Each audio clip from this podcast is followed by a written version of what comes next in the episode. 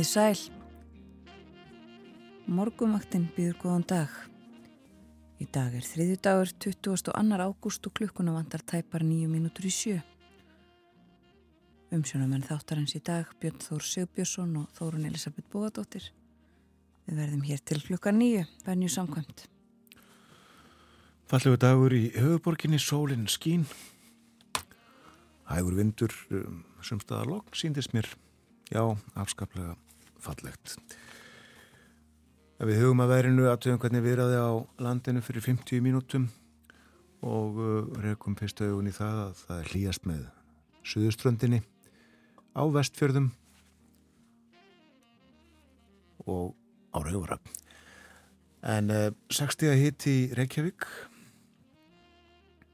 2 gráður á Kvaneri, 6 gráður í Stikisólmi léttskíða þar og 8 steg hitti bæði á Patrísfyrði og í Bólungavík. 4 gráður á Holmavík og 1 stegs hitti á Blöndjósi. 6 gráður á Söðunisvita, 3 á Akureyri.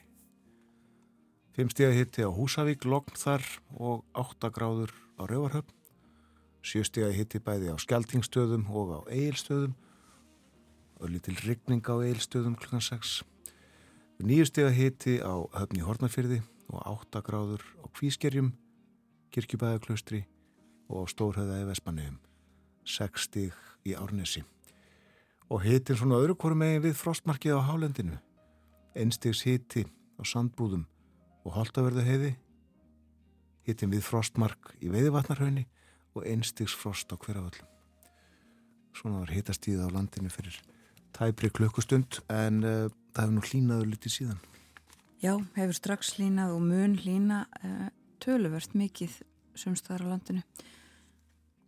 Hittin getur farið það í 22 stig að deginum. Það verður hlýjast sunnanlands, mun svalara norðaustanlands. Hittin frá, já ef við skoðum kortið frá uh, svona 7-8 gráðum með norðaustur ströndinni. En það er norðlega átt í kortunum yfirleitt 3-10 metrar, skíjað og dálitil rigning eða súld austan til en létt skíjað vestan til. Og það byrtir smám saman á uh, söðausturlandi. Hitti 12-22 steg að deginum segir í veðurspáni og hlýjast sunnanlands já en mun svalara norðaustanlands. Hægari vindur á morgun og bjartviðurs en skíjað austanlands og súld með köplum og hitin breytist lítið á morgun miðugudag. Á fymtudag líka hæg breytileg átt í kortunum víðar létt skíjað en skíjað austast og þókubakkar við norður og austurströndina. Hitin þá 10 til 19 stig hlýjast inn til landsins. Og uh, það breytist svo á förstudag. Þá verður lengst af bjart fyrir austan en þyknar upp á vestanverðurlandinu og fyrir að regna setniparti. Áfram verður hlýtt í veðri 10 til 20 stík en þá verður hlýjast norðaustanlands. Það eru bísnað háar hittatölur. Já, þeir eru það og á lögadag aftur uh, hitti að 22 stígum.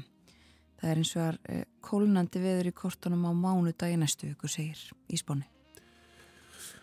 Ef svo ólíklega vil til að tilkýningarnar allar hafa farið fram hjá einhverjum hapfyrðingi sem að nú er að hlusta þá er heitavaslust í bænum skrúað fyrir heitavatnið eh, gerkvöldi og eh, verður heitavarslöst í allan dag og eh, fram til fyrramáls. Ég held að þessi stemtaði að leipa vatni aftur á bípur og leðslur klukkan tíu í fyrramálið. Það er verið að leggja hérna nýja stoppnlögn, heilmikið rör og þetta var óhjákvæmilegt að starfsmanna veitna fólk þarf að laga sig að þessu. Fara í bað utan bæjar fara í laugina í Kópói eða Reykjavík. En uh, þetta er þetta óþægindi sem þessu fylgja og, og þetta segja það. Já. Það er einmislegt að dagskrá morgunvaktarinnar í dag. Við eh, ræðum um revi og mögulega önnur dýr Esterrud Unstinsdóttir spendýra vestfræðingur, hún rannsakar og fylgist með refum kemur til okkar hér á eftir. Og svo ræðum við þýskmálefni þó ekki frá Þýskalandi heldur hérna úr hljóðstofu í efstaleiti í Reykjavík. Og svo er það efnahagsmál og samfélag. Það er vaksta ákvörðin á morgun. Meirum þetta allt saman á eftir. Við lítum líka í blöðin þá þegar við snúum aftur eftir morgunfréttir. Blöð og uh, gömul og ný og leikum tónlist. Heyrum í Leiló leika fyrsta lag dagsins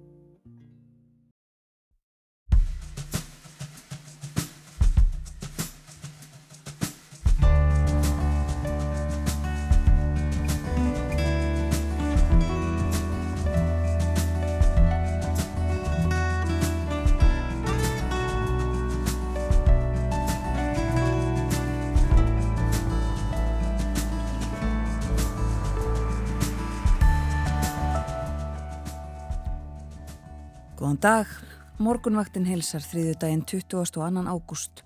Umsjónumenn þáttarins eru Björn Þór Sigbjörnsson og Þórun Elisabeth Bóadóttir. Og við förum yfir það sem er á daska hjá okkur. Þórðusnar Júliusson verður hér í dag. Segir okkur meðal annars frá því sem að fréttnæmt er úr tekju yfirlitunum sem að byrt voru í síðustu viku.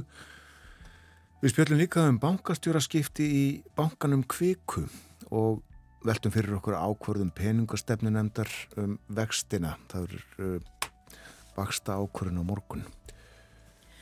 Við tölum líka um refi, bæði á Íslandi og Grænlandi, en Ester Rudd Unsteinsdóttir, spendýra vistfræðingur, hefur rannsakað atferðli skotla í báðum löndum. Hún verður hjá okkur klokkan halv nýju. Og Artur Björgun Bodlason á sínum stað eftir morgun fréttir. Hann verður hjá okkur í hljóðstofu að þessu sinni og efni dagsins kannabis og krepputal. Berlinarspjall á dagskrá morgunvaktarinnar 8.05. Og það er fallið úr morgun í höfuborginni eins og svo margir morgnar hafa verið. Norðlega átti kortónum í dag, yfirleitt 3-10 metrar á sekundu og það er létt skíjað vestan til en skíjað og dálitil ryggning eða súld austan til á landinu.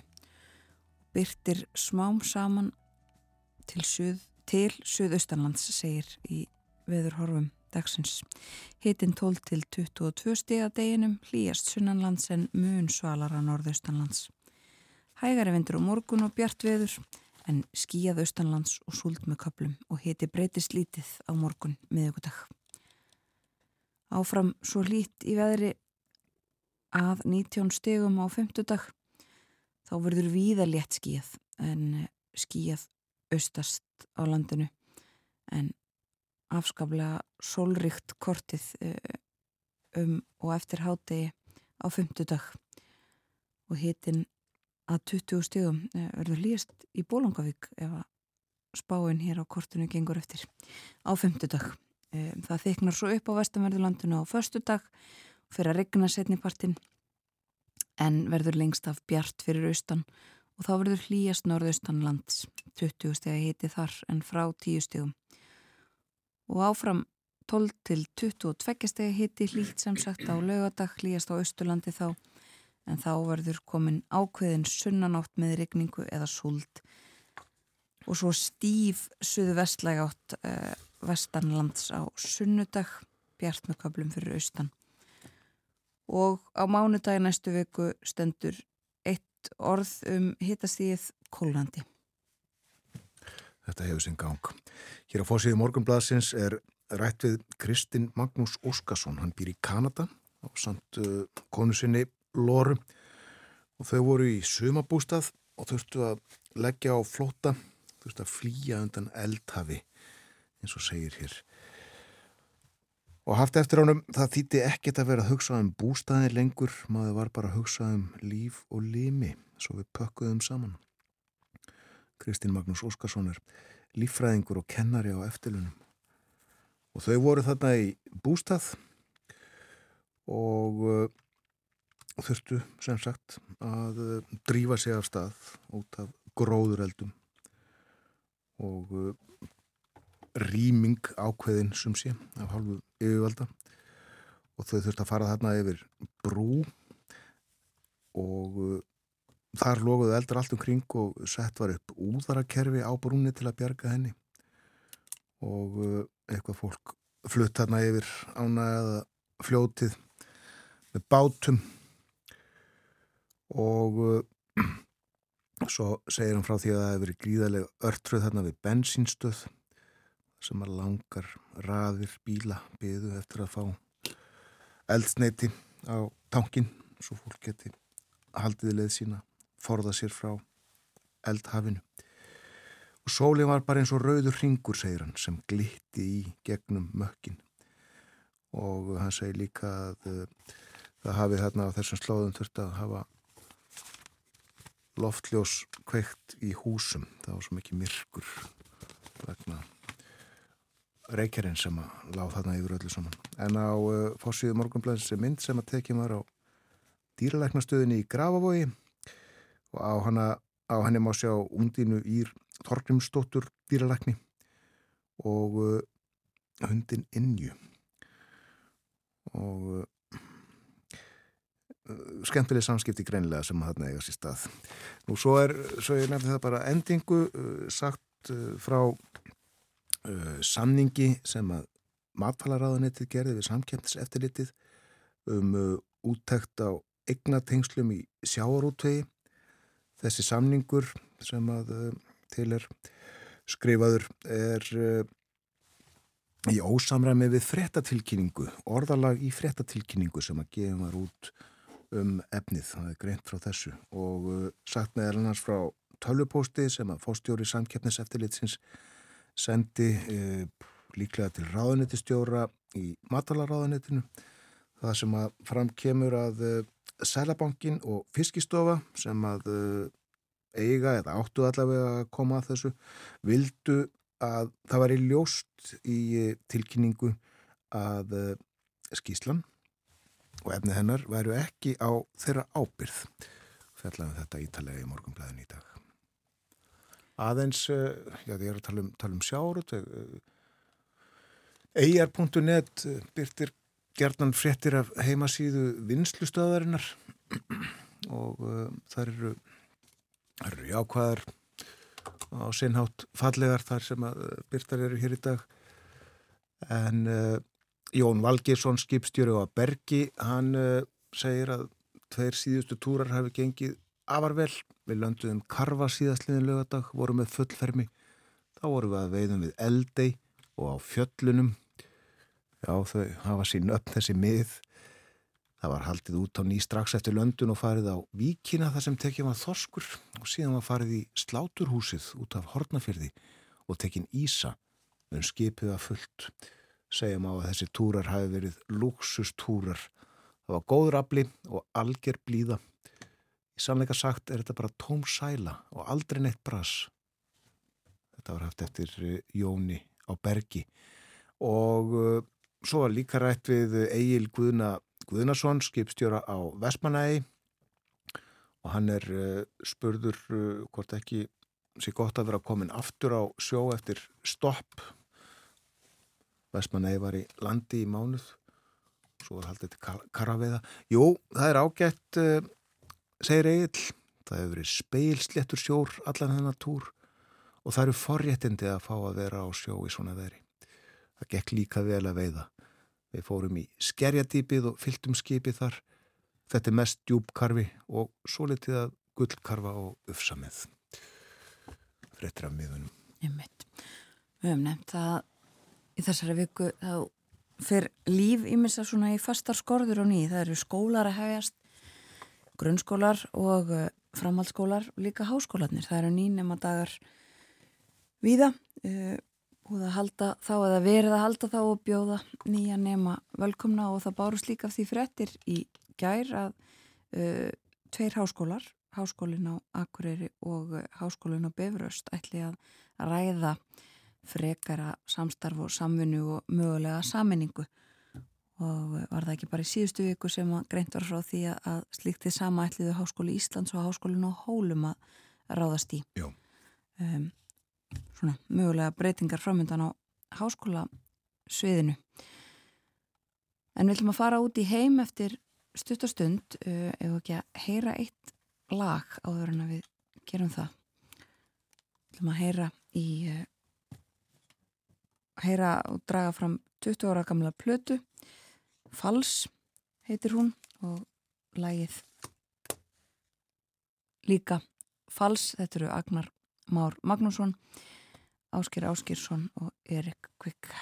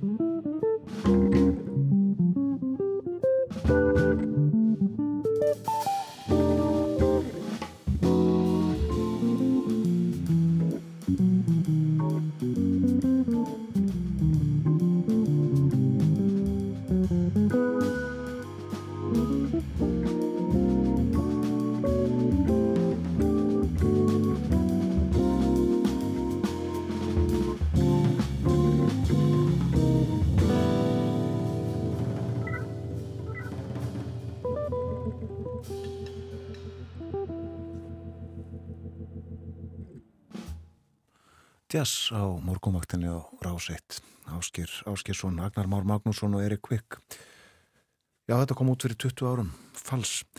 Jazz á tíð Reykjavík hefst á morgun stendur í nokkar daga fullt af áhugaverðum tónleikum með um, áhugaverðum listamönnum. Við förum betur yfir þetta síðar hér í þættinum.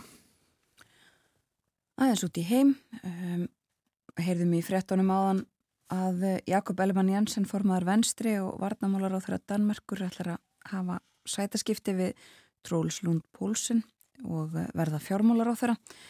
Pólsson hafi lei, eh, leist Ellemann Jensen af í veikindalegi í hálft ár í varnamálaráðanetinu en eh,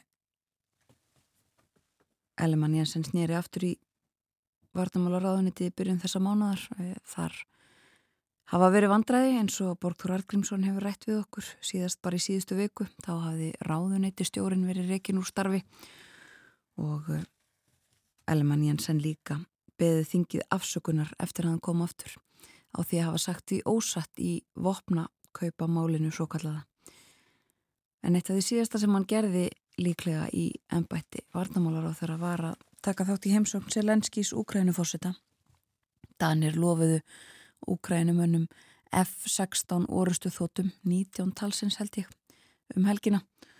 Og uh, Selenski á ferð og flugi um Evrópu er líka verið uh, hitti líka hollensk yfirvöld og uh, grísk og fer áfram um. Það er fjallað um hann á forsýðum dönsku bladana í dag. Politíken fjallar um heimsókn hans til Danmerkur og annara vesturlanda. Informasjón er með myndavonum og segir Danmark, Danmörk elskar Volodymyr Selenski. Og uh, aðeins af öðrum frettum, um, við höfum líka heyrt í frettunum hér áðan af uh, Donald Trump fyrirverandi bandaríkjafórseta og fórseta frambjóðanda sem að segist ætla að mæta til Georgiuríkis á fymtudag og gefa sér fram við yfirvöld. Uh, hann þarf að borga tryggingu til þess að ganga laus áfram, sakaður um afskipti af úslitum kostningana þar. Og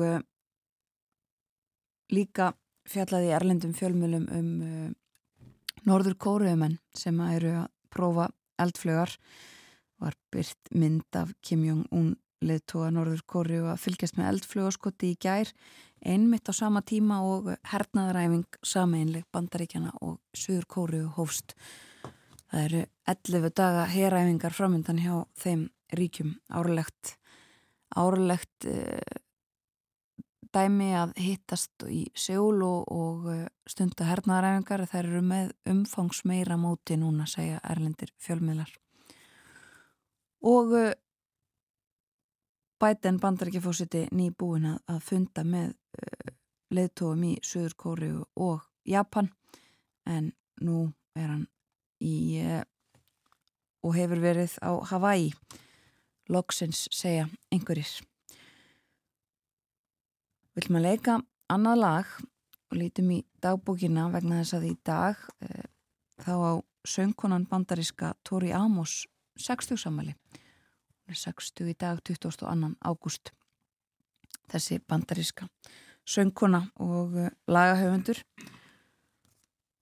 Hún er e, vinsæl í bandaríkjónum, hefur verið frá árunni 1979 að sem tónlistarkona en heldur sig enn eh, eða er enn svona aðeins á jæðrinum og verðist líka vel við það en hún er enn að enna sem er tónlist og enn að koma fram.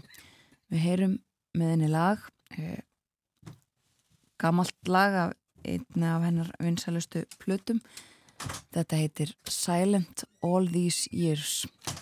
Hlustum á Tori Amos og hleypum svo fréttastofunni að. Það er yfirleitt morgunfrétta sem kemur á slæginu halv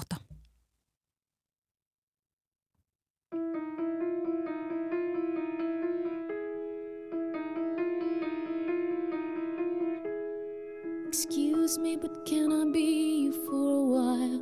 My dog won't bite if you sit real still. I got the Antichrist in the kitchen yelling at me again. Yeah, I can hear been saved again by the garbage truck. I got something to say, you know, but nothing comes. Yes, I know what you think of me, you never shut up. Yeah, I can hear that, what if I'm a mermaid in these jeans of his with her name still on it? But I don't care, cause sometimes I said sometimes I hear my voice and it's been here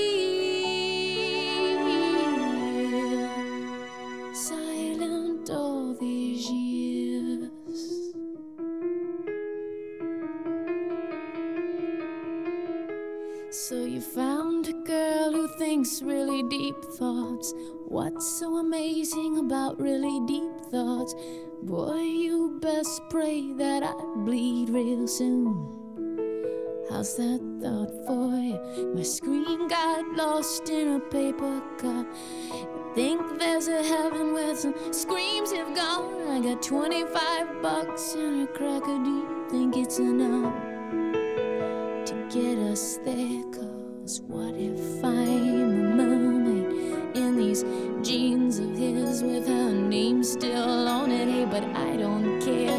Cause sometimes I said, sometimes I hear my voice, and it's been here. Silent all these years go by,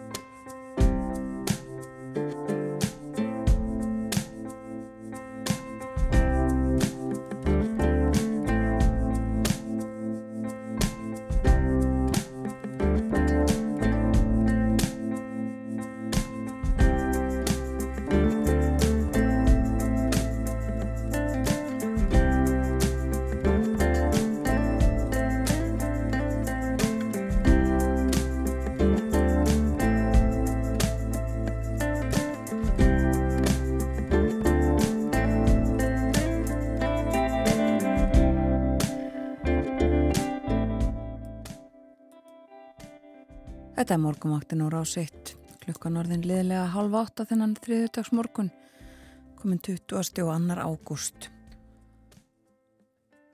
Og það viðrar vel viða um land, norðlæg átt, yfirleitt 3-10 metrar á sekundu. Létt skíðað vestan til en skíðað og dálítil ryggning eða súld austan til á landinu. Og það byrtir smám saman til söðaustanlands. Hittinn 12 til 22 stiga deginum hlýjast sunnanlands en mun svalara norðaustanlands.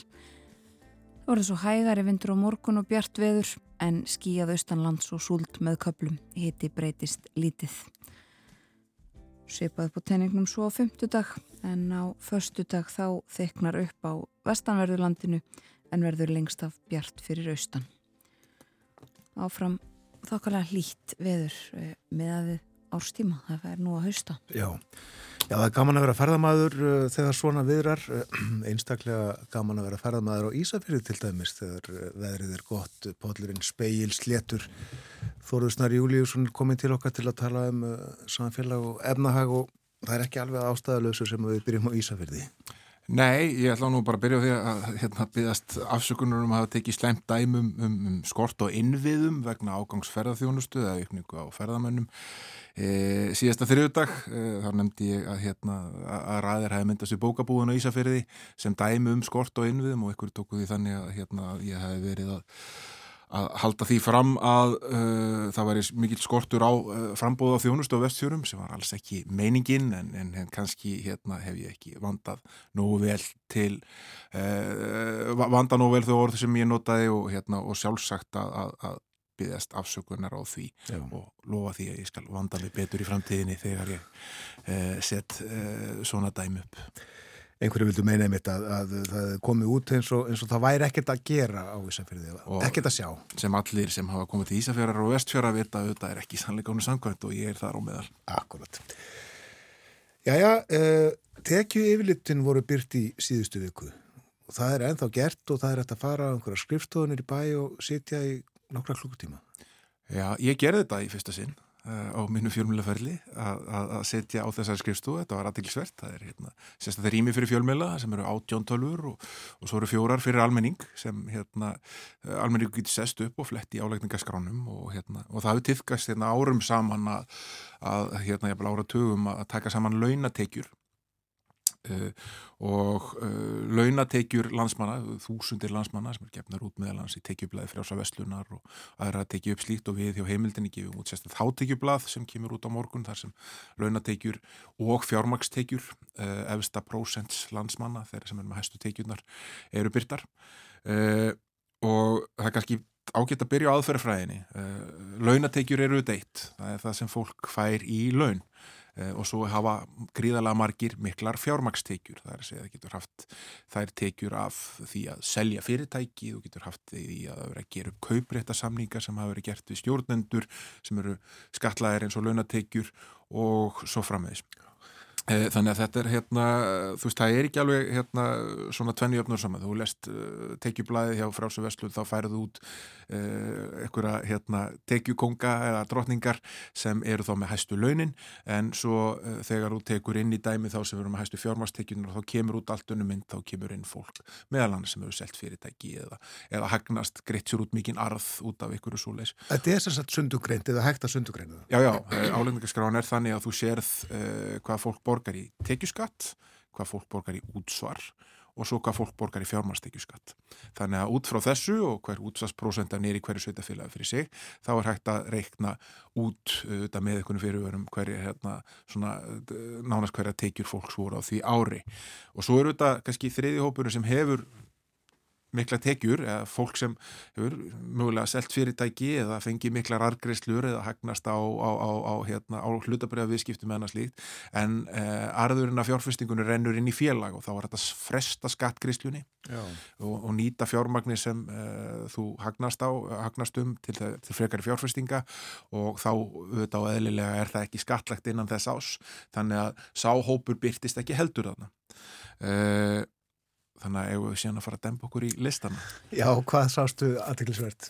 Sko, ég sá uh, aðteglisvert og við vorum búin að greina frá því hérna að og, það, og það sem kannski maður átti helst vona á að, að sískinin sem áttu vísi e, röðu sér e, í efstu sætinu þá sem borguð, þá einstaklingar sem borguðu mesta skatta á Íslandi í fyrra. E, vísir var seldur til síldavislunar fyrir 31 miljard króna í fyrra og af þessu þurft að greiða skatta og, og, og sískininn sex greitu ja, ansi duglega eh, skatta eh, á síðasta ári eh, vegna þess Pétur Hástedt Pálsson, stærsti hlutafinn Uh, og fórstjóri vísis uh, hann greiti 893 miljónir króna í fjármarstekju skatt af uh, heldar ástekjum sem um, um 4,1 miljardi króna. Og, og sískinni hans eða makar þeirra þetta er svona þannig að það getur komið fyrir að, að fjármarstekjunar lendi á þeim maka sem er með herri launatekjur. Þannig að hérna stundum þarf að beita aðeins ekki vitinu til þess að átta sig á hvað er að gerast þegar allt í nauka fólk sem kannast ekki alveg við og, og átt ekki vonu og sé á listum sé hérna allt í með marga miljardar króna í, í, í tekjur. Uh, en þau eru þarna sem að ræða sér sætina eftir sískina sem voru sér með jafnan egnar hlut aðeins minni en Pétur og eru lang efst uh, þegar hort er á heldartekjur þar sé að fjármastekjur og launatekjur. Það var líka aðtilsett fannst mér að skoða þá sem voru í efstu sætunum á þessum listum yfir launatekjur í fyrra þið munu það að hérna, þá var uh, mikið tala um Harald Inga Þorleifsson hérna, sem hafi selgt fyrirtæki sitt Twitter og, og hafa með yfir 100 miljónir króna í launatekjur í fyrra og það var vegna ákvörnar sem hann tók uh, hérna, eða fyrir ekki á árunni 2021 og ákvörnar sem hann tók um að taka hluta söluandverðinu í gegn sem launatekjur.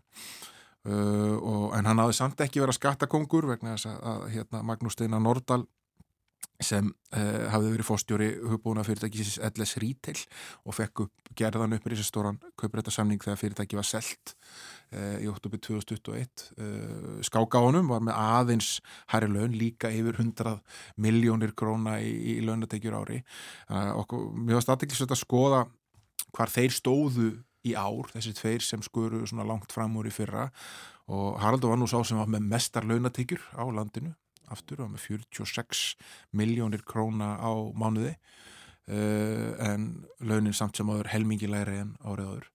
Uh, og uh, allt önnu staða hjá Magnúsi, hann var með mánatekjur upp á 4,7 miljónir króna og hérna sem er bara nokkur prósent af því sem hann var með ári áður en samt dálaleg laun í kannski huga flestra.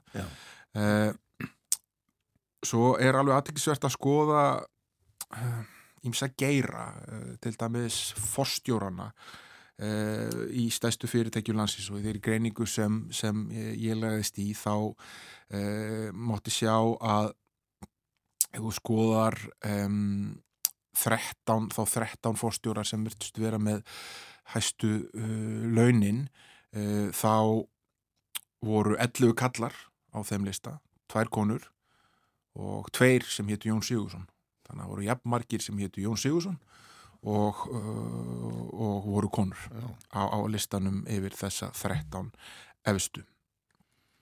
Uh, þar var uh, Hjalti Baldursson stopnandi og fyrirvændi frangatstjóri bókunar sem var um tíma frangatstjóri heimkaupa í fyrra um, um, bara um nokkra mánaski hann var í efstsæti með 25 miljónir króna í mánalun og aftur þetta eru þá eru á launategjur ekki hildategjurnar uh, og svo koma svona ímsir sem hefur við höfum fjallað um svo sem á þessu vettvangi Ásker Helgi Reykjavík Gilvarsson fórstjóri Skell sem var með tæmlega 22 miljónir króna í, í, í launatekjur í fyrra og farið yfir það hér að það var vegna þess að það voru keift starfsrettindi sem, sem voru þar undir, hann fekk háa greiðslu til þess að, koma yfirgefa stöðu sína sem aðstofafórstjóri hérna Arjónbanka og ganga til liðs við þetta fjórstíkafélag uh, þarna eru þessir Jónar Sigurssonar segist alltaf alveg annar fyrirhandi fórstjóri Össurar og hinn, hinn fórstjóri fjárfæstikafélags Stóða sem er hérna eitt stærsta ef ekki stærsta og umfórsmesta fjárfæstikafélag á landinu. Uh, við erum með frangatstjóra Costco þarna það er hérna fórstjóri Bláalónsins uh, ef við förum aftur á Ísafjörð þá erum við með fórstjóra Kerisis uh, Guðmund Fertram Sigur Jónsson hann er í áttundasæti á þessum lista okkar og hérna og eitthvað segir mann nú það að, að það megi búast við því að það verði einhverju sem tengja kyrsis á öllum þessum listum á ári liðinu Akkur. þegar svo sala verður gerð upp Mörgum að við erum að tala um, um laun vegna eða, eða skakkreilur vegna tekna á síðast ári mm -hmm. og, og, og svo frammeðist þannig að hérna e, já, það er það er alveg margt sem uh, mér fannst aðdeglisvert við það að skoða þessa tölur mm -hmm. uh, en það vekur líka auðvitað alltaf aðdegli hvað er ekki aðna og maður veitum ymsa sem hafa hagnast mikið en eru ég sagði á þá í þeirri stöðu að, að afraksturinn af þeirra fjárfestingum rennurinn í félug og skattgreyslu með frestað en ekki teknar út sem arður og verða ekki skatlaðar fyrir en það gerist. Uh, það var líka aðdeglisvert að skoða að það orðað þannig að það er ekki að horfa lengi á sko sameilega hátekjulistan er segja að það er að horfa launatekjur og, og, og fjármastekjur saman til þess að átta sig á því eh, hvað svo arbært það er að selja kóta eh, ég myndist á það hér áðan að í sex efstu sætonum er, er þessi sískinahópur sem mm -hmm. eða var að selja hérna, þessa reysastóru sölu á, á, á fjölskyldu útgerð. Eh, en á, á listanum okkar sem eru byrtur á morgun þá eru 8 af 10 efstu er fólk sem seldi kvota á síðast ári.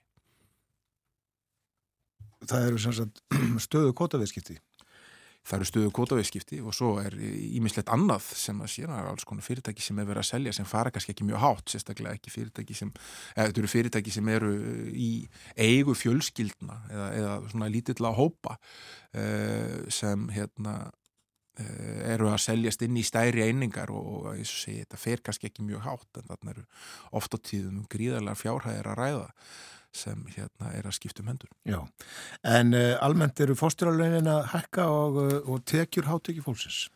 Um, já, fósturalaunin eru alm, hafa almennt verið að hækka á undanföldum árum. Uh, það sem vakti aðtikli mína er að laun, e, e ef það er þannig að e, við komandi vinnur hjá fyrirtæki sem er á, á engamarka, ekki skráð á hérna á hlutabræðamarka og ef að fyrirtækið er að einhverju leiti erlendri eigu þá eru líkunar á því að launakjörin séu herri mun meiri.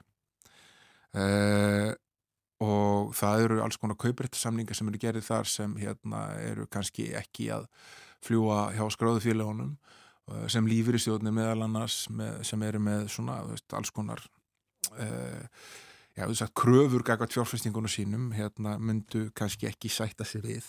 En það er hérna það skín alveg í gegna að það eru svona ímis fyrirtæki sem eru þessum hver sem eru svona hugverkadrifin sem eru með hérna uh, einhverja erlenda eignaræld, erlenda fjárfæstíkunni þar sem launakjörin eru svona á öðrum skala en, en, en týðkast við annars það er hérna í Íslandsku samfélagi. Ofta á fyrirtæki og kannski stjórnendur sem við höfum aldrei hirt af?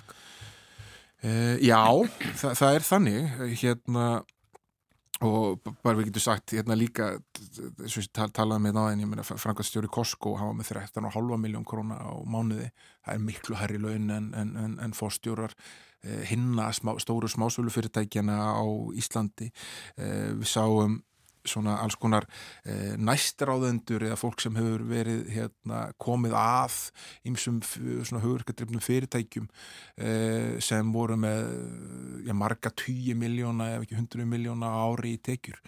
E, og þá er ofta, segja, að vera að gera upp eitthvað svona kauprættasamninga og annars líkt og skatleggja á sem löndekjur Tölum um annað Þólusnær, það eru voru fástjara skipti í kviku á sundaginn þessum fjórðastæsta banka eða já, fjórðastæsta fjármálafyrirtæki er það ekki landsins, má segja? Jú, það má segja það, en það er kvika það. Um, það er Ármann Þorvaldsson tekinn aftur við sem fórstjóri kviku.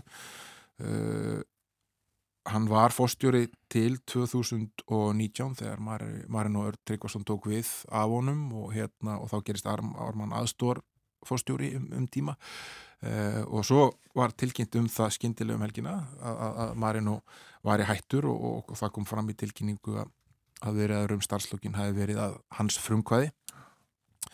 Uh, Það er þetta ímislegt sem hefur verið að gerast uh, hjá kviku sem hérna fólk hefur verið að rína í til þess að reyna átt að sjá hvað valdi því að, að fórstjórun ákveða að hætta með þessum hætti kvika var til að mynda í samringavirðaðin við Íslandsbanka eh, sem eh, stóði yfir alveg frá því í februar á þessu ári en var sér slitið í sumar eftir að Íslandsbanki eh, gegst við stórfældum lögbrótum og greiti háasekt í ríkisjóð eftir að, fjármála eftir lit Sælabanka Íslands byrti eh, sátt sína um, um það hvernig bankin hafi hagað sér í suluferðli á einn hlutum í, í lókuð útbúði fyrra. Eh, en það hefur líka verið eh, rýnd í viðtal sem eh, fórstjóri stóða, Jón Sigursson fór í nýverið á innherja stóðir er eitt stærsti hlutafinn í kviku og, og, og þar sagði hann að það hefur verið vonbriði að fallið hefur verið frá viðræðinu við samruna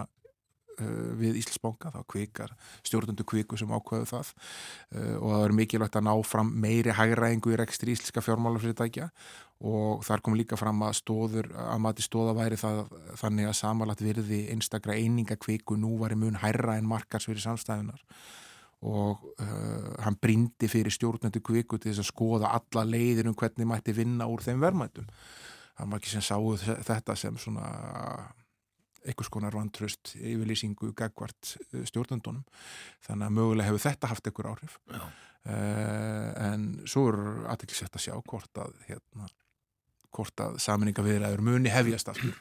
Það hefur verið í að því að hérna, þetta sé svona þetta sé tímabundi stopp að leifa Íslandsbanka eins að finna fætturnar aftur og hérna og, og, og, og koma staði hver svona, hverjar afleggingarnar eru á orðsporið og annars líkt og hérna og sjá svo hvort sé flötur að, að hefja leika á nýju en e, stjórnundubankana hafa reynda neyta því að, að neinar formlegar, að einhverja formlegar þreyfingar átt síðu hafnar. Já Stjórnaformaði kviku er uh, eh, frangatastjóri samtaka innæðurins.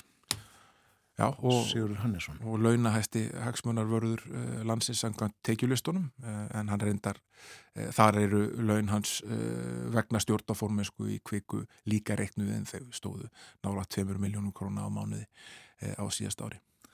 Tölum þá um vextina, vaksta ákvörðum verið tilkynnt á morgun. Hvað er búist við að gerist? Þeir rýna þetta nú á greiningadildunum. Blákalt held ég að það sé búist almennt við því að vextir eru hækkar. Já, Uh, það verðist helst vera að vera að takast á um það hversu mikið er mun að hækka hvort það er mun að hækka um 25 uh, punkta eða 0,25% stig eða, eða, eða 0,5% stig og uh, þetta uh, þetta ræðst að því að hérna, hérna er verðbólgan þótt fyrir hún hafi, 12 mánu verðbólgan hafi farið aðeins niður þá er hún ennþá há, hún er þrálát hún er á breyðingurinni og uh, nýjar uh, ný könnun Sælabankans á væntingum uh, markasaðila síndi það að þeir eru ennþá að gera ráð fyrir því að verðbólka verði tölvöld mikil, ekki ráð fyrir því að hún verða meðaltali 7,8% á, á þriði ásfjörungi þess ás gera ráð fyrir því að verðbólkan verði 5,6% eftir eitt ár sem er ennþá tölvöld langt frá verðbólkumarkmiðinu og uh, verðbólkuvæntinga til tveggja og fimm ára eru 4,54% þannig að það er ennþá ekki reikna með því að við komumst í námunda við verðbólkumarkmið innan fimm ára samkvæmt þessum svona væntingum aðila á markaði. Og, langtíma verðbólkuvæntingar eru að hækka samkvæmt þessum, þessari könnun. Uh, þannig að hérna með að við miðgildi svara þeirra sem svara í könnunni þá byggust markasæðlar við því að meginvextinir eða stýrivextinir svo kallu eruðu hækkaður um 0,5% stig á morgun og eruðu þá 9% þannig að hérna, þetta er svona staðan eins og hún blasir við. Það búast lang flestir við því á markaði að, að vextinni verði hækkaðir á þessu byli 0,25 til 0,5% já. Þetta líkur fyrir um uh, hálf nýju, er það ekki hálf nýju í fyrramáli sem að þetta kemur, held að við fylgjumst með þessu. Uh, áður en við hverðið þóruðsnær, það vaktu þetta aðtikli að, að uh, þá sko alltíðusambandið, VAF-R og neytendasamtökin uh, hættu öll viðskiptum við Íslandsbanka og þetta í fréttum í, í, í, í gær og í fyrradag. Er það almennt mat að Íslandsbanki hafi ekki tekið almenlega þessa sátt sem hann gerði við fjármára eftirlitið og, og lagaði til hjá sér? Uh, auðvitað verður bara hver og einn að meta það hvort að aðgerinnar séu næjanlegar. Uh, Íslandsbanki hefur sannlega farið í tölvuverðar uh, breytingar. Hann er búið að skipta um bankastjóra, búið að skipta um ymsa stjórnundur, margir sem komu að þessu ferli öll saman hafa verið látnir víkja. Það er búið að skipta um þorran stjórninni, stjórnaformannin Uh, og svo framvegis og, og þannig að það hefur rýmislegt verið gert. Og setja alls konar reglu líka og... já já og það var svo sem hérna svo vinna var hafinn fyrir tölur síðan þegar kannski ljóst var að einhverju leiti í hvað stemdi að, að fjármáleftilitið það, það lág fyrir í lók desember að fjármáleftilitið hafi komist að þeirri frum niðurstuðu að bankin hefði brotið lög með, með hátsepi sinni í, í þessu útbúði uh, en Uh, stjórn Vaffer fannst ekki nóga gert og ákvaða að færa uh, marga miljardar sem, sem, sem þetta langstasta stjættfæli landsins hefur verið með í, í, í umsýslu hjá Íslandsbanka annað, uh, likur ekki fyrir hvert, mér skilst að þeir alltaf óskeftir óskeftir bara tilbúðum í, í sín viðskipti. ASI færiði 800 miljónir sem þau voru með í hérna, viðskiptum hjá Íslandsbanka eða ætla að gera það. Og neyndasandökin sem eru minna batteri en hérna tákrænt að, að, að samtök neytinda á Íslandi eh, ákveða að yfirgefa eh, að hætta yfirskiptu við banka út af svona lögu.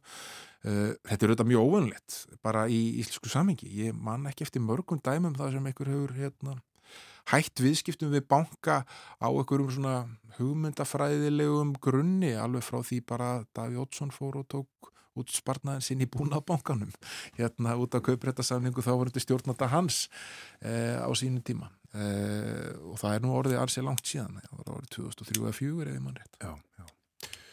Við segjum þetta gott í dag, takk að þið fyrir að vera með okkur þennan morgunin Þorður Júliusson hér á þriðdagsmórnum með tölum um efnahag og samfélag eins og við kvöldum peninga og aðstæðir í samfélaginu.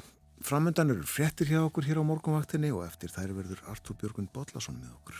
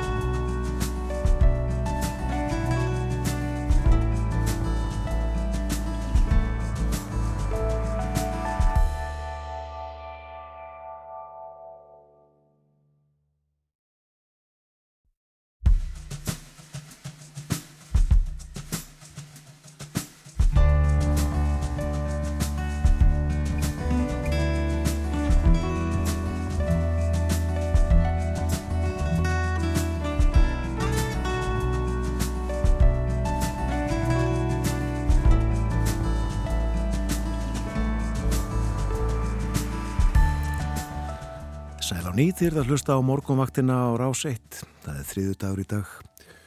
Klukkan farin að ganga nýju er 6 eh, minútur gengin já 20. og annar ágúst í dag og uh, líf og fjör á skólalóðunum, grunnskólanir við að hefjast uh, litlu krakkarnir að mæta í fyrsta sinni eða svona þessa dagana með uh, stórar töskur á bakinu gaman að byrja í skóla, vera í skóla læra eitthvað, læra eitthvað nýtt og þá við á fleiri skólastugum líka eh, verið að hefja þetta allt saman svona þessa dagana. Nú kannski ekki með það alveg nákvæmlega en það eru líka nýnema vikur í háskólanum og framhaldsskólanir að fara á fullt eh, fullt, fullt af fólki í, í bókabúðum og svona uh, þess slags búðum.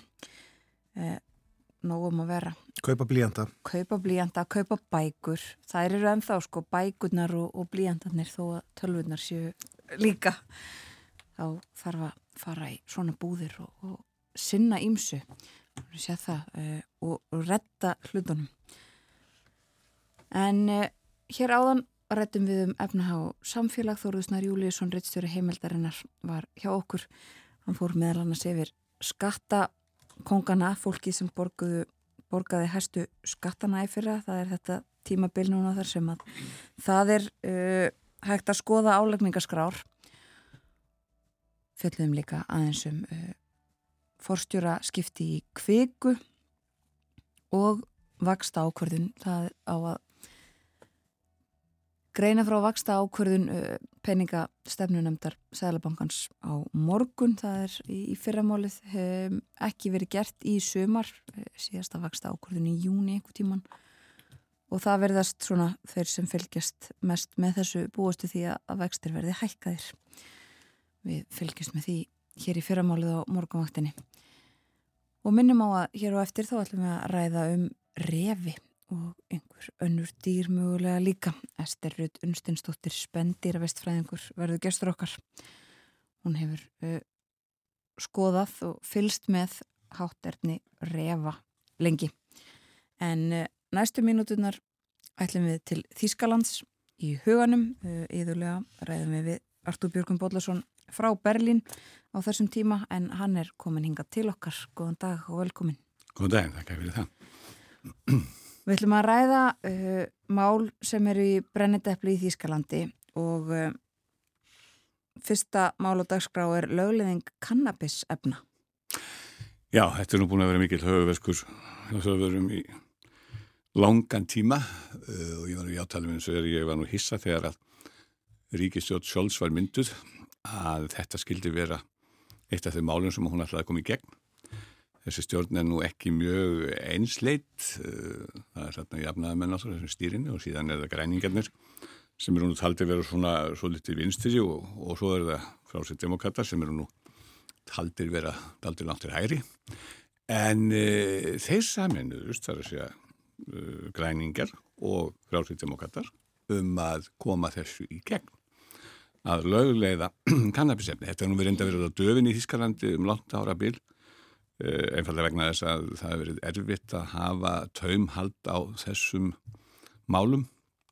Þannig að uh, það eru náttúrulega þessum þessu bellindamir, þessu vissi staðir ákveðnir ákveðnir garðar sem ég ætlum ekki að fara að nefna sem að menn geta farið úti og keift sér allra handa eitulif alveg frá kannabis og uh, yfir í heroín og sterkari efni. Þannig að þetta er auðvitað vita mál og hefur verið lengi að það er fullt af þessum efnum í umferð. En kannabis, á þess að ég sé nú sérstakur sérfræðingur í þeim málum sem varða á sig þess, þá er þetta náttúrulega e, tvö efni sem að verða til úr þeim, það er að segja hass og marihuana, það er grasin sem ég kalla stundum, unnin úr mismunandi hátt, á mismunandi hátt úr þessari kannabisjurt.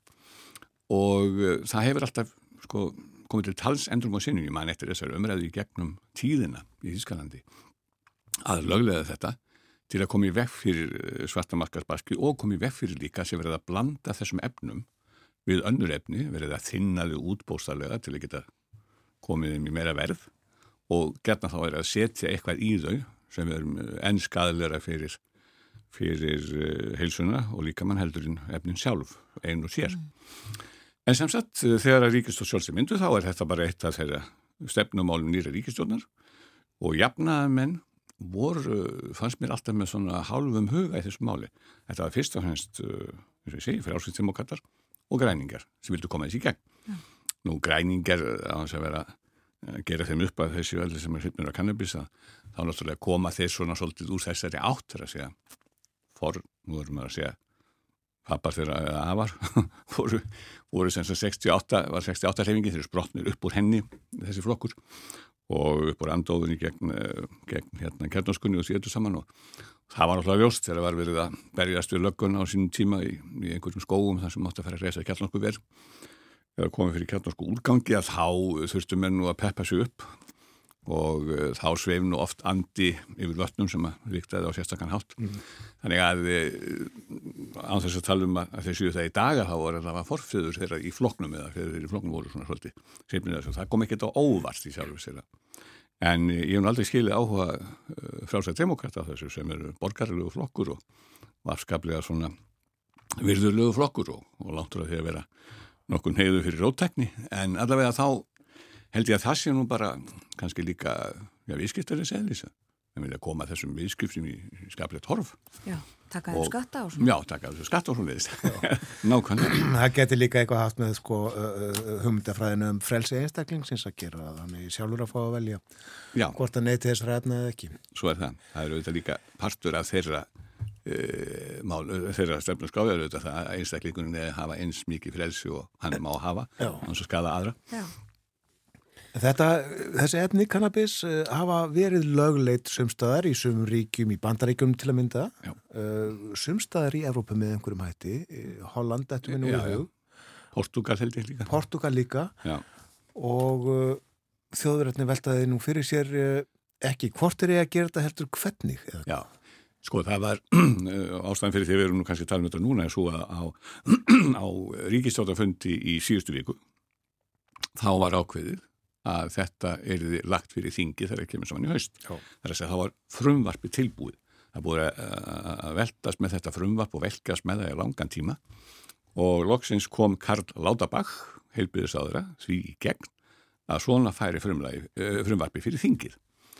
Og uh, það er eins og segið, höfumálið og vandamálið eru þetta hvernig á að standa að þessu.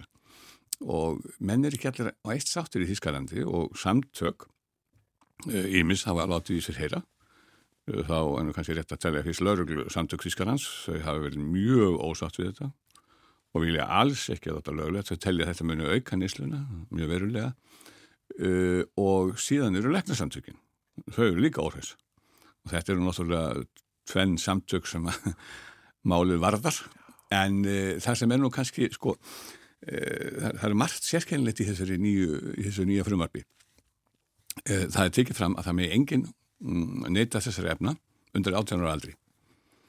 Uh, síðan er annað ákveði sem segir að það verða skamta, sko það verða takmarka þegar ég held að séu 25 gram á dag sem að fólk megi nota. Mér segja nú fróðum menn að þú getur nú verið sky high eins og sagtir hátt uppi mjög af því í langan tíma. En, en uh, þetta gildir einungis fyrir sko fólk frá 18 ára aldri. En svo þegar millir þess að fólk er 18 og 25 ára þá færðu það ekki einsmikla skamta og má ekki nota einstóra skamta vegna þess að læknar hafa komist að því að heilin í okkur er að mótast uh, alveg til 25 ára aldurs. Sem við tökum við nú ekki miklu mandli og framför með það, manni skilst, en allavega þanga til erum við að bæta einhverju við okkar vit Já.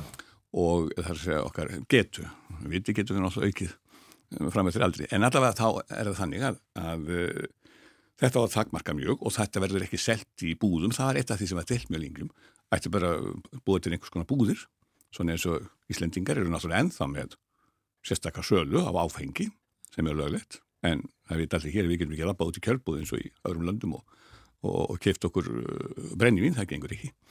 Þannig að það var til dæmin að setja svona upp einhver svona ríki, svo að Íslandingar skilji hvað það er að tala um, þar sem að væri sem sagt kannabisríki sko, en ekki áfengisríki. En uh, það fór ekki gegn. Þannig að, að nú á þetta bara vera hægt að fá þetta í klubum og ég er nú ekki almennilega að skilja hvernig það ganga fyrir sig. Það var að stopna klúpa og í þeim með ekki verið fleiri en 500 manns, hverjum klúpi og uh, menn geta fengið þessi efni þar eftir ákveðnum reglum og þurfa að skrá sig inn sem neytendur og hérna þá bara setja menn hérna, herra Muller fær hér 25 gram 15. ágúst af þessu efni og fyrir út með það. En þú mátt ekki reykja þetta inn í klúbónum heldur einhverstaðar annar staðar. Og þú mátt ekki reykja þetta eh, innan 200 metrar fjallaða frá skólalóðum. Og þetta er svo flókin reglugjör að ef að sko lauruglan þarf að hlaupa með, með, með, með hérna, málbönd og mæla það hverju maður sem er að reykja kannabis er 200-220 metrar frutan skólalóð e, þá er það svolítið vandarsamt og það er svona alls konar hamlur á þessu sem að þeir vilja sko setja til þess að stemma stígu í þetta fari úr böndunum. Mm og þjóðverðir eru mjög skipulega og köflum og það er oft ágætt sérstaklega umferðin en hvort að það er nú kannski kemur að notum í samband til þessu kannabisnisli eða gengur yfir höfuð, mm. það er óljóst en þetta ásens að það kom í veg fyrir svarta maskasbrask og kom í veg fyrir eins og nefndi á þann að það verður að setja einhver eitur efni en eitrar efni í þetta og uh, það er alveg vita mál að þetta fer sko ekki leikandi lett í gegnum þingið vegna þess að kristilegi demokrata sem er stærsti stjórnarnæsturflokkurinn hann hefur þegar, þegar þannig að ambra sáflokkur. Markus Sutt er fórstættisáður af Bæjarlands sem er í kristilugum sósjálflokknum þarna fyrir sem er ángi eða, eða sísturflokkur kristilega. Hann sagði nú bara í viðtalum daginn að þetta samþykju við aldrei sko. Við viljum ekki sjá þetta, þessa lögleðingu þannig að þetta áttur að vera erfitt mm. og þetta er í sjálfur sér sko e, þetta er óskaplega umdelt og uh, í löndum að þú nefndir að þau verið gert annar staðar, þá hefur reynslega verið mísjöfn.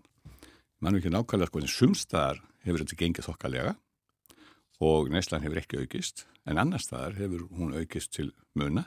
Þannig að það getur bröðið til begja hóna líka. Það er ekki tryggt að, að þetta muni uh, breyta neyslum vennjum að vísu jú en ekki kannski endilega að magnið verði nýtt minna og, og þetta er alltaf umtegnanlegt að verða að setja hömlur á svona fíknefni, með áfengi er alltaf fíknefni líka. Og svo koma menn og segja, já það er bara stórkostlega hægt á því, ég held að sé eitthvað 6-7% sem að áneittjast kannabisefnum og verða háður þeim. En auðvitað ég hugsa að tala hann í áfenginu sem miklu hærri sko, allaveg ekki lægri sko. Þannig að þetta er svona, það eru mörg svona hótnið og þetta verður heitt haust og sennilega verður mikið kannabisefni á þinginu, rætt á þinginu segi ég, þetta verður hausta. Segir okkur frá þessum umræðum alls konar sérfræðingar auðvitað rannsóknir dregna fram og, og, en það er ekki gott að vera með lögguna og læknum á mótið sér. Ekki þegar mér er eða notkun eiturlífi. Ég segi það. Já, þetta verður mikið rætt í haust, annað sem að mikið er rætt í, í Þýskalandi og kannski Þýskum fjölmjölum sérstaklega er, er, er kreppa, erfitt efnarsástand. Er mjög erfitt efnarsástand í Þýskalandi? E, það hefur verið betra, það hefur verið betra, en hins vegar er svona deilt um það hversu erfitt efnarsástandi sé. Auðvitað ákveðna tölur sem tala sínum máli eins og það var alveg svakaði og skellur því stefnaðarslíf þegar að Putin skrúaði fyrir gasstreymi til þjóðverða í kjálfar eh, árasönuna í Ukraínu mm -hmm. og uh, það hefur náttúrulega hafa allir fundi fyrir því sem búið í Þískalandi að, að orkuverið hefur hækkað all verulega, svo ég nú ekki dýbri árinni og uh, það er svona, já, ég hef nefnt áður held í okkar spjalli að, að, að það er gríðarlegur skortur á fagfólki í með störf, þetta háir þjóðurum vegna þess að skrifraðið er svo mikið, það er erfitt fyrir fólk að fá vinnu, faglegt fólk og sérhæft fólk og fóta sér í landinu af þeim sökum. En á hinbóin uh, verður að taka með reikningina að þjóðu Þískaland er eftir sem áður mikið velmöguna samfélag og uh, það er almenn velmögun í Þískalandi Hitt er svona mál að, að kreppan, sumi segja nú svona gárungarnir segja, já hún er nú aðalega bara í fjölmiðrunum sko. Það er að segja, alvarleiki kreppinu verður hverki ljósnum í fjölmiðrunum, ekki endar ekki að fólkinu sjálfu. Og þetta er það sem er svolítið áhugavert, þar að segja, svo mynd sem að fjölmiðarnir, sem eru auðvitað glugginn að skilningnum og samfélaginu fyrir flesta, þegnana, uh, gefur af þessu samfélagi. Og ef að, til dæmis, þú kemur til Þískanans, segjum frá einhverju landi þar sem að þú er lært Þísku en hefur aldrei komið án gáður og ferða að skoða og hlusta og, og lesa Þíska fjölmiðla, þá ferða að halda hreinlega sko að það sé allt á heljar þröm í Þískalandi. Landi sé bara á hræðri leiði glötun sko. Því að myndin er svo dökk sem er dregin upp af ástandinu og ég er að taka fram, ég er ekki sko mótfællin þessari gaggarinu fjölmiðlu sem styrkast í Þískalandi því að hún er mjög góð. Þjóðar er, er, er svakara fyrir fjölmiðla og þeir eru með mjög hálært fólk í þessum fjölmiðlum. Þú hefur sérfræðing á öllum sviðum, eða til dæmis þegar við erum að tala um segjum sem dæmi kannabis. Þá er náttúrulega eftir með tvo að sjá sérfræðingar sem hafa stúdirað og verið að kynna sér þetta árum saman. Og bara ef þú þetta er með efnaðarsmál þá ertu valla með nokkur manni í samræðu þætti og þeir eru margir þættirnir sem er ekki doktor í hagfræði sko eða eitthvað það hana meira sko. þannig að, að þeir eru á öllum sviðum mjög vel búin í fjölmiðlum og þeir eru fjóraða valdi í Þískalandi þeir hafa gríðarlega áhrif en þessi svarta mynd sem ég segja hún er heldursvörst þessi dökkamynd er heldursvörst sem dreginur upp af, af þessum hlutum því það er alltaf verið að fjalla um það sem er jólæg og það búið að lítum hitt að þessi tekið fram að, að þessi þjóð er að gera marga góða hluti. Og stundur segja menn, okkur komið ekki með eitthvað að sí líka Akkur segið ekki frá síðan, þjóður eru að vinna alls konar síra. Það vissi sem miður ekki í voltaleikjónu núna, en eitthvað talað þar.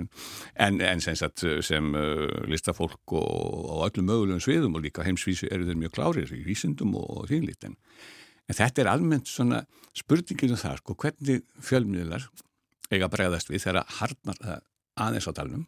Það hefur harnar á dalnum sérstaklega út af þessar áskokrepu og ég man bara eftir í gamla dagana meðan að Þískulöndin voru tvö að þá var það tekil marknum það sko í Östu Þískalandi í alltíðulífildinu var náttúrulega alltaf verið að draga sem svartasta mynd af kapitalismunum vestri. Og það var þarna þáttur í Östu Þískalandi sem er svartse kanal eða svarti kanalin, svartastöðin.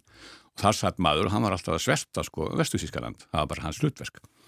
En það sögðum við menn frá Östu Þískalandi að þeir eru nú kveikt þegar fóru að fóru að kveika á Vestu Þísku stöðunum sko. Þegar fylgjast betur með og vita hvað er að gera sér vestunum, fá svona óháð álit og þeir sögðu það var miklu meiri árás á vestusíska hagkerfið á vestusísk þjóðfélagi að þar heldur en hjá þessum manni sem var að reymbast við að sverta það okkar megin sko. Þannig að þetta hefur svolítið loðað við fjölmjölin að vera með svolítið svarta sín og auðvitað, eh, sko, gaggrinni er góð og aðhald er fínt eins og þeir veita stjórnmálumannum og svona en, en um leið sko þannig að alltaf með þessi ríkistofn, hún, hún er bara algjörlega komin út á út, út í frostið sko því að það er ekki heil þráður á neinum í þeirri stjórn, sko, þeir taka fjölmjöldendur um búin að einsetta sér það núna að þeir taka þá alla í nefið sko, alla flokkarna sem eru í stjórninni og alla ráþærarna og stundum með virðingu fyrir gaggrinni og virðingu fyrir aðhaldi þá finnst manni þetta að vera svolítið svæsið. Með öðrum orðin til að svara spurningunni það er auðvitað erfiðara ástand í Þískalandi hefur alltaf verið en það er engin, engin alvarleg kreppa í gangi og, og þetta er eftir sem maður eitt mesta velmjöguna samfélag í álfunni og þó við að vera leita þannig að, að þjóðverða þeir líka kvarta gerna sko, það voru auðvilt að spila þessa strengi hjá þjóðverðum því þeir geta kvarta svo mikið með því ekki áskapla ventum með þjóð. En þegar þeir byrja nöldra þá fyrir mann stundu nóg um sko. Það verður að hækka kannski strætisvagnar gældum um, um 5 cent eitthvað svoleiðis. Sko hérna hækkar matvara bara um 500 kall á, dag og engin am, ambrar en þar verður það bara alveg ævar og farið jáfnvel í mótmálugöngur af því að hækka sko, strætisvagnar gældum um 5 cent sem er bara ekki nýtt en þannig að, að þeir eru fljótið til og að stökka svona hluti og nöldra voðalega mikið. En uh, í rauninni kannski er það líka bara enkenn á fólki sem lífir í mjög mikil velmiðun á þess að fara lengur út í það að ef eitthvað svona pínliti kemur brestur í að þá, þá byrja það nöldra Já, einmitt það. Segjum þetta gott af Berlinarspjalli frá Íslandi þannig að þriðutags morgunin kærar þakkir fyrir að vera með okkur Artur Björgum Bóllarsson Takk sem er leiðis Við fyrum að leipa fréttastofinni að. Kemur að yfirleiti morgunfrétta eftir örfára mínútur svo ætlum við að forutnast um revi. Eh, Ester Rudd Unsteinsdóttir spendir að vestfræðingur. Hún er nýkomin frá Hortströndum þonga fer hún á hverju sömri og fylgist með en hún var líka á Grænlandi. Eh, og þar er hægt að fylgjast með fleiri dýrum. Atferðli þeirra, hún segir okkur frá þessum ferðum báðum þegar hún sest hérna hjá okkur eftir örfáa mínútur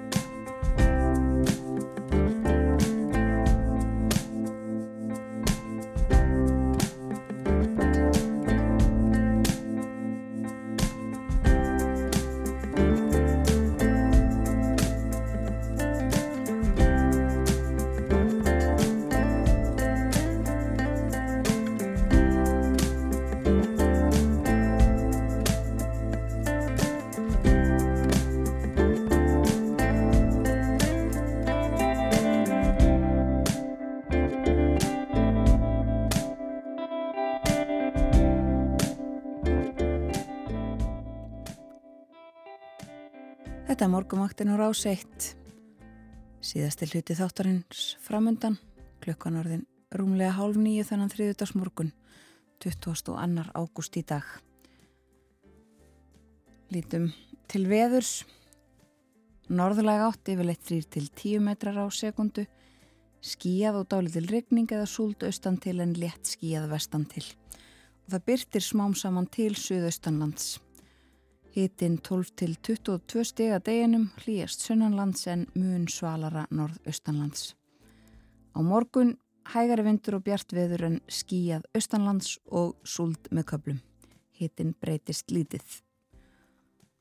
Og áfram hlýjandi í kortunum. Næstu daga þar á eftir eh, alltaf hlýtt einhver stöðar á landinu þar að segja. Svona frá kannski tíu stegum og mögulega aðeins læra. En það er kólnandi veður í kortunum í næstu viku. Og eh, það fer að hausta en vonandi ekki alveg strax. Við höfum rætt um efnahagsmál og eh, þískmálefni hér á morgunvaktinni í dag. En eh, næstu mínúturnar ætlum við að ræða allt önnur mál. Við ætlum að tala um refi og svo mögulega önnur dýr líka. Það hefur verið þannig síðustu ár, síðustu sumur höfum við stundum fengið að heyra í Ester Rudd Unstensdóttur spendir af vistfræðingi Hún segir okkur frá uh, refastofninum, hún fer og skoðar, fylgist með á uh, hortströndum á hverju einasta sumri. Nú er hún komin hingað til okkar á morgunvaktina velkomin. Takk fyrir. Og takk fyrir að koma. Íslenski refastofnin hefur verið vaktaður uh, í ára tíu, er það ekki rétt? Jú. Og sko, hvað er það sem verið er að skoða þegar að verið er að vakta stofnin? Það er ekki bara væntanlega hversu, hversu margir refinir eru? Nei, uh, fyrst, fyrsta ástæðan fyrir vöktunni var til þess að leggja mat á starfstofsins. Mm -hmm. uh, það var í svona upphafi vöktunarinnar uh, sem hófst 1979 og það var Pál Herstinsson heitinn sem að hóf þá aðtun. En í rauninni hefur þetta verið gert með sama hætti síðan en það sem að, að þarf að skoða til þess að meta stopnin eru bæði viðkom og vanhöld þannig er að, að stopnin er um, þetta, þetta eru alltaf topp afræningjar og þeir eru með sérstætt félagskerfi sem er svona innfara félagskerfi þannig að par heldur saman eins lengi og þau lifa eða bæði lifa og um, tímgun er aðeins einu svona ári.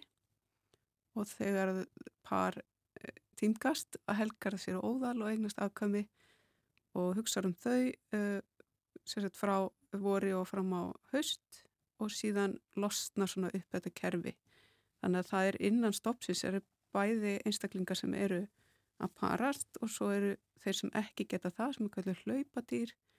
Þannig að og svo eru þessir yrlingar sem eru þá svona eiginlega skilgrendir sem fullorinn dýra hausti.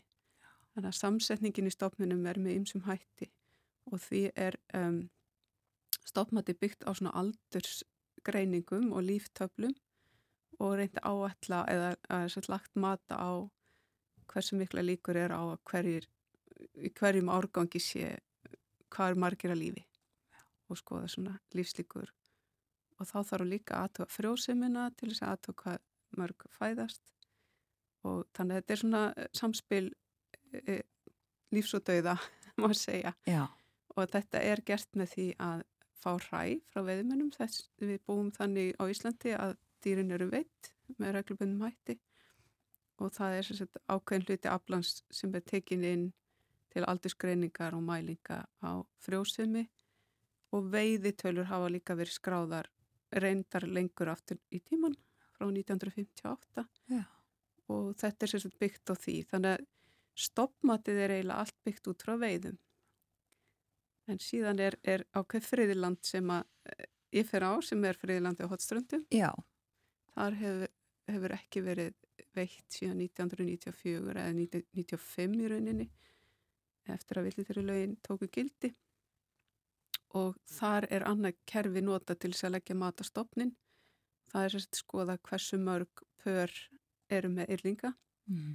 og við kallum þetta ábúða þéttleika það er mörg, greni ábúð ákveðnu flatamáli svæðis og skoða svo gótstarðina þannig að það er í rauninni bæði Já. frjóðsuminn og hversu mörg pör. Og þú ert nýkomin þaðan núna? Já, og hvernig lítur þetta út í ár? þetta lítur bara mjög vel út. Það var hópur sem fór á mínum vegum í vor þegar á grænja tíma og því að það er mikilvægt að fara á grænja tíma til þess að sjá hversu mörg grein er í ábúð. Og ég fór í rauninni svona í lok sumast til þess að lok grænja tímast til þess að aðtóa starra svæði og svona leggja mata á hvernig ástandi væri síðsumars. Og ég myndi segja að þetta sumar sé bara mjög gott. Það hefur verið svona frekar lélegt ástandaröfunum á hotstundum undan farin ár. Já. fyrir tveimur árum var það líka ágætt og þetta ár er svona pari við það. Þannig að það var bara var, já, var talsett mikið af, af grænjum ábúð. Já, það er fínt. Við, einmitt, uh, rættum þetta í fyrra við þig þá, akkurat var staðan erfið, en þetta sem sagt sveiplast svona svo litið milli ára. Já, þetta ástandir efana byggir í reyninni á ástandi fuglalífsins því að það er svona helst að fæða efana og svo getur komið svona upp á svona eins og ég kalla svona kvalrekar ef að það er ykkur svona fiskdauði eða eitthvað sem að rekur á fjörðu þeirra óvenju mikið að fæðu sem að var reyndar fyrir tveimur árum og það hjálpaði reyfunu þá. Já. Ég sá ekki merkjum neitt sérstakt þannig en, en mér síndist fugglalífi vera bara mjög góð, í mjög góð ástandi sem týðir að það er næg fæða og það hefur greinlega líka verið næg fæða síla vetrar þegar pörun hefst og, og á meðgöngu eh, kvendiranna og þá hafa í rauninni þær flestar geta gengið með og, og átt yrlinga Já. Og svo núni ljóksumas voru enn yrlingar á flestum þessum óðulum ja, það, það eru yfirleitt einhver afföll en þess að í áhaldströndum og sérstaklega á norðaustusvæðinu þar sem ég er er þéttleikin mjög mikill og óðulin eru ekki stór. Um, þau eru eiginlega óvönju lítilt þannig að það er í reyni ekki pláss eða fæða fyrir eh, svo marga yllinga þó að fæðist kannski 6-8 yllinga þá eru kannski 2-3 eftir síðsumar en það er alveg eðlilegt ástand þau liti allir mjög vel út Og eins og segir, þetta fer eftir fugglalífinu um, og sko hvernig hefa þau mál verið að þróast?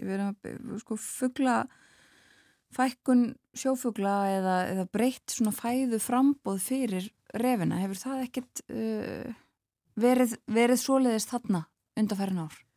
Jú, mér finnst mjög líklegt að, að það sé nú ástæðan fyrir þessu, þessu bagalega ástandi refana þarna það, það máilega segja eftir 2012 hafi byrjað svona að fækka þessum óðulum í ábúð á þessu svæði sérstaklega upp í björgunum þar sem að voru svona ríkustu refitnir og, og hafðu mest ætið og eftir því sem að sjófuglum fækkaði og jável varpárangur þeirra var lagur að þá uh, eru þeir ekki að verpa á svæðum sem að þó eru nátt til. Já. það er meira plás fyrir það á betri svæðum, örugum svæðum. Og svo dveljaðu ekki eins lengi björginu þegar þeir ekki að verpa. Þannig að mér grunna það það, það hefur orðið til þess að óðulum á björginu fækkaði og þau eruðu færri. Og um, þessir sjófuglar eru langlýfir og það verðist hafa ræst eitthvað úr varpi hjá þeim undan farin ár og það getur alveg hafa skila sér í betri fæði og það skila sér oft líka síðsumars þegar ungarnir fara að, að svona þeir eiga að fara í sjóin en sumir þeirra lenda kannski vilsum megin og eða verða aðgengilegri fyrir reyfina Mm. en það virtist vera nógu í þetta en þá og, en þe þeir eru líka á þessum ástíma núna ég sá að þeir voru mikið að týna ber og það, það er að, hérna, það er svona fæða sem að er lúmst mikilvæg. Er, við þekkjum þetta með byrnina þeir sapna uh, fytu á sig fyrir veturinn með því að týna ber. Já. en það má sjá refi um, týna ber með fugglónum, jável maður sá svona kjóa, máva og refi saman á berjamó og þetta er mjög fyndið sko. Já. og það eru líka svona lirfur uh, fyririlda lirfur sem að haustfettar og svo leys sem að eru svolítið stóra lirfur sem eru líka að geta alls saman og þá eru jável smæri fugglar með í, í þessu gengi. Já. þá er þetta bara já, þetta er svona svolítið svo kýr og beit sko. Í það verið tímón saman í þetta ber. Og bara allir í sátt og samlendi þannig.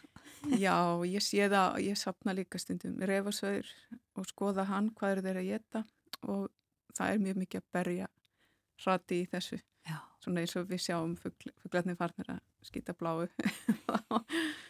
þannig að þetta er mjög merkilegt Já, þetta er stórmerkilegt. Já, þú skoðar einmitt e, fleiri hluti, ég man að það var líka fjalliðan það sem hann í sumar að þá var vera að tala um tannheilsurefana og einmitt þú safnar og skoðar e, saurin til þess að e, sjá og vita meira um þá.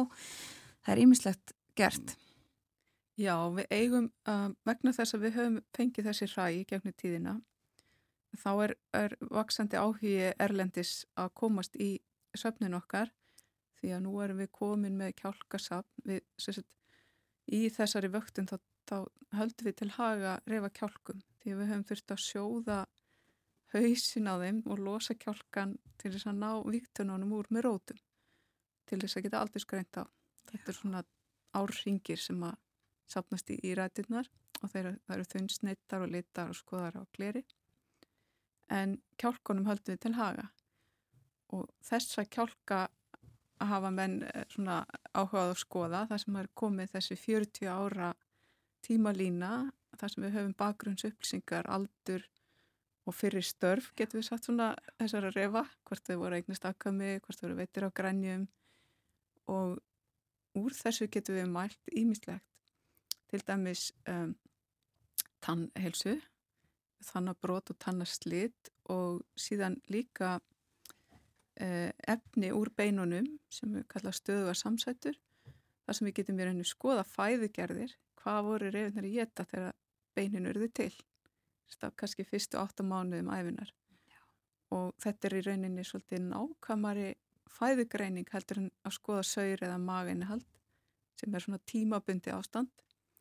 Þannig að við höfum séð á þessum beinamælingum að, að það er samræmi milli fæðugerða og breyting af fæðu og stoppbreytingana þannig að við getum svona geti þess til með nokkum áræðilegum hætti að það sé breytingar í fæðuskilurðum sem hafa orsakað stoppbreytingar. Já, já. Þetta er mjög merkilegt. Já, sannarlega. Uh, og þú segir einmitt það er orðið vinsælt og, og fólk vil komast í ykkar, ykkar gögn og söfn en svo líka verið uh, svolítið sagt frá því sko, að þessi fólk sem að, og fleira fólk sem vilji koma og fylgjast með og sjá refi á Íslandi. Er eh, mikill ágangur bara ferðafólks eða hvernig er þetta? Já, já, nú kannski líka pínu þátt í því. Um, ég hafði áhuga því á sinni tíma að, að láta refina svona vinna fyrir sér aftur og gerast verðmæti í ferðarþjónustu og ég vann uh, á tímabili að ég stopnaði eða tók þátt í að stopna Melrakkarseitur Íslands í Súðavík þar sem að markmiði var eh, markþætt en til dæmis að stopna svona einhvers konar fyrirtæki sem væri aðdráttarafl svæðisins í ferðarþjónustu og skapa störf og um, nýta náttúrunlega um, náttúrufarið og, og dýralífi sem svona uh, sjálfbara auðlind. Og þá byggðum við upp ferðarþjónustu með ásamt uh, ferðarþjónustu aðlum á svæðinu til að sína refi. Og ég takk þátt í því og fannst það mjög spennandi. Þá til ég fór að sjá svona svolítið neikvæð áhrif.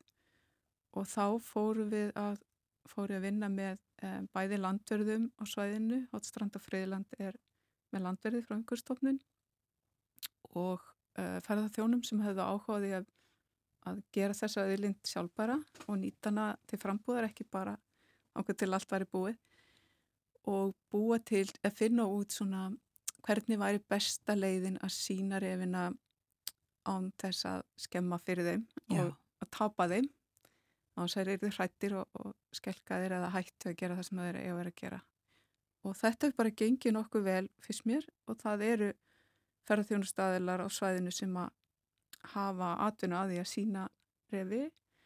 Um, eitt af því sem var stungið upp á sín tíma var að nýta vetrarrefina meira til þess að lífa þessu viðkama tímabili sem að grænja tímin er. Því að það er alveg þekkt og, og ef að grænja skiptur þekki það trublun við grænni hún veldi því að dýrin fara eða, eða vera erfitt að nálgast þau.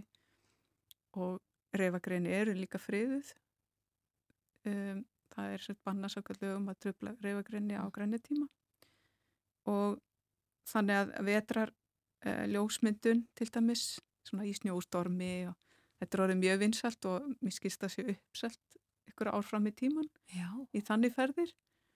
Og það er bara mjög mikið krafa orðið að fara sérstaklega á hotstrandir að fá að sjá reyf og fólk, jável kvartar jável við fá endur greitt ef það sér ekki reyfi þannig að þetta er orðið svona miklu meira hluti af að ferðarþjónustinni á þessu svæði, sérstaklega þar en það var þegar við vorum að byrja. Já. þannig að þetta er eh, gríðarlega mikilvægt fyrir um, bara efnahag svæðisins. Já, akkurat. Eh, Mér langar aðeins áður en við sleppum þér Ester, að spyrja þig vegna þess að áður en að þú fóst á hotstrandir þá varstu á Grænlandi að eh, líka fylgjast með refum, er það ekki, en, en fleiri dýrum. Segðu mér aðeins og okkur frá, frá því. Ég var svo heppin í gegnum tíðina hef ég verið að lesa greinar og, og efni og hlusta á erindi á rástöfnum frá uh, öðrum svæðum og við erum í svona sörkum pólar vinnuhópi sem að stúdirar þessa tegund. Og flestir þeirra aðila sem er að- rannsaka reyfina þeir skoða náttúrulega heildarkerfið í hvaða vistkerfið er búið, hvað er ég þetta og, og hvernig gengur hjá öðrum tegundum. Og mér var bóðið núna í vor að fara á Grænland, Östur Grænland í eh, verkefni sem heitir Karpelf Valley Project og er í norðan við að í þjóðgarðinum sem er þar fyrir norðan.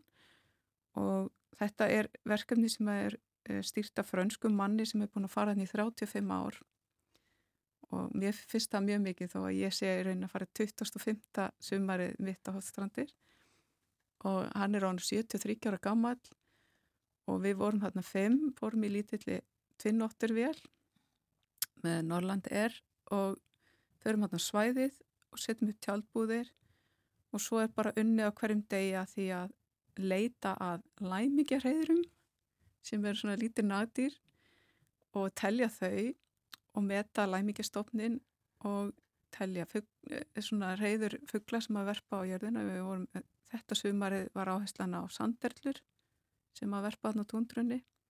Þannig að, og svo voru, eru heimsótt reyfagreini en það er löng leið, jáfnvel að þeim, jáfnvel tíu kílometrar af sumum. Þannig að í leiðinni er verið að vinna að því að telja eitthvað á leiðinni. Já. Og við vorum að merkja sanderlur og um, leita að kjóum, eða svona rándýrum, kjóum og refum og það sem var svo skrítið var að það var lítið að læmingjum en þeir sveiplast þess að þryggja til fimm ára fresti það er ekkert verið 2-300 faldi munur á þeim og það voru engi læmingjar og þá voru tóurnar til dæmis ekki að eignast afkami heldur voru bara þvælast um og við náðum nokkrum settum svona senditæki á það og þeir voru fara yfir mjög stór svæði. Og kjóarnir voru ekki heldur að verpa og það voru enga snæjuglur en þeir sögðu mér og ég hef lesið um það á þessu svæði þegar að læmingjar er í hámarki þá geta verið svona fjóra til fimm snæjuglurreiður allir refir eignast afkvæmi og frekar stór gott átján yrlinga jável og kjóarnir verpa allir. Þannig að þá er nóga æti. En þegar það er engi læmingjar þá verist ekki neittur að gerast ekkit að frétta. En við sáum hérna söðnaut og byrni og, og mjög merkileg kvikindi eh, sem, svona, sem að við erum ekki vögun hér. Nei. og þetta var mjög áhugavert. Og allt öðruvísi heldur en þess að þú ert vön. Já, en tóðna voru alveg eins sko. Erfitt að ná þeim og, og voru svona tryggi Einmitt það. Kærar þakki fyrir að koma til okkar á morgumvaktina og segja okkur frá Ester Rutt Unsteinsdóttir, spendir af vestfræðingur. Takk fyrir að bjóða mér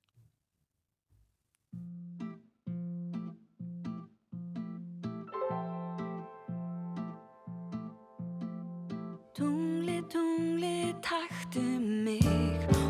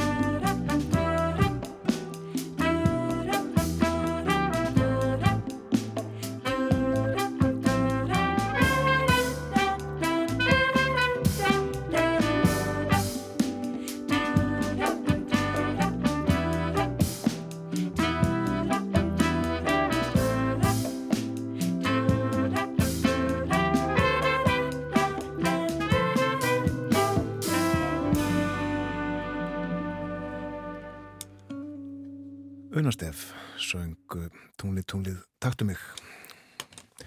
Hún verður á Djasáttíð Reykjavík sem að hefst á morgun, stendur fram á sunnudag, kemur fram á tónleikum með Bjössa Tór á Jómfrúni á lögadaginn. Og svona líka morgunvaktinni þennan morgunin, Björn Þór og Þórun Elisabeth þakka samfélgina frá því snemma í morgun. Við verðum hér aftur í fyrramálið. Vonum að þið njóti dagsins. Verið sæl.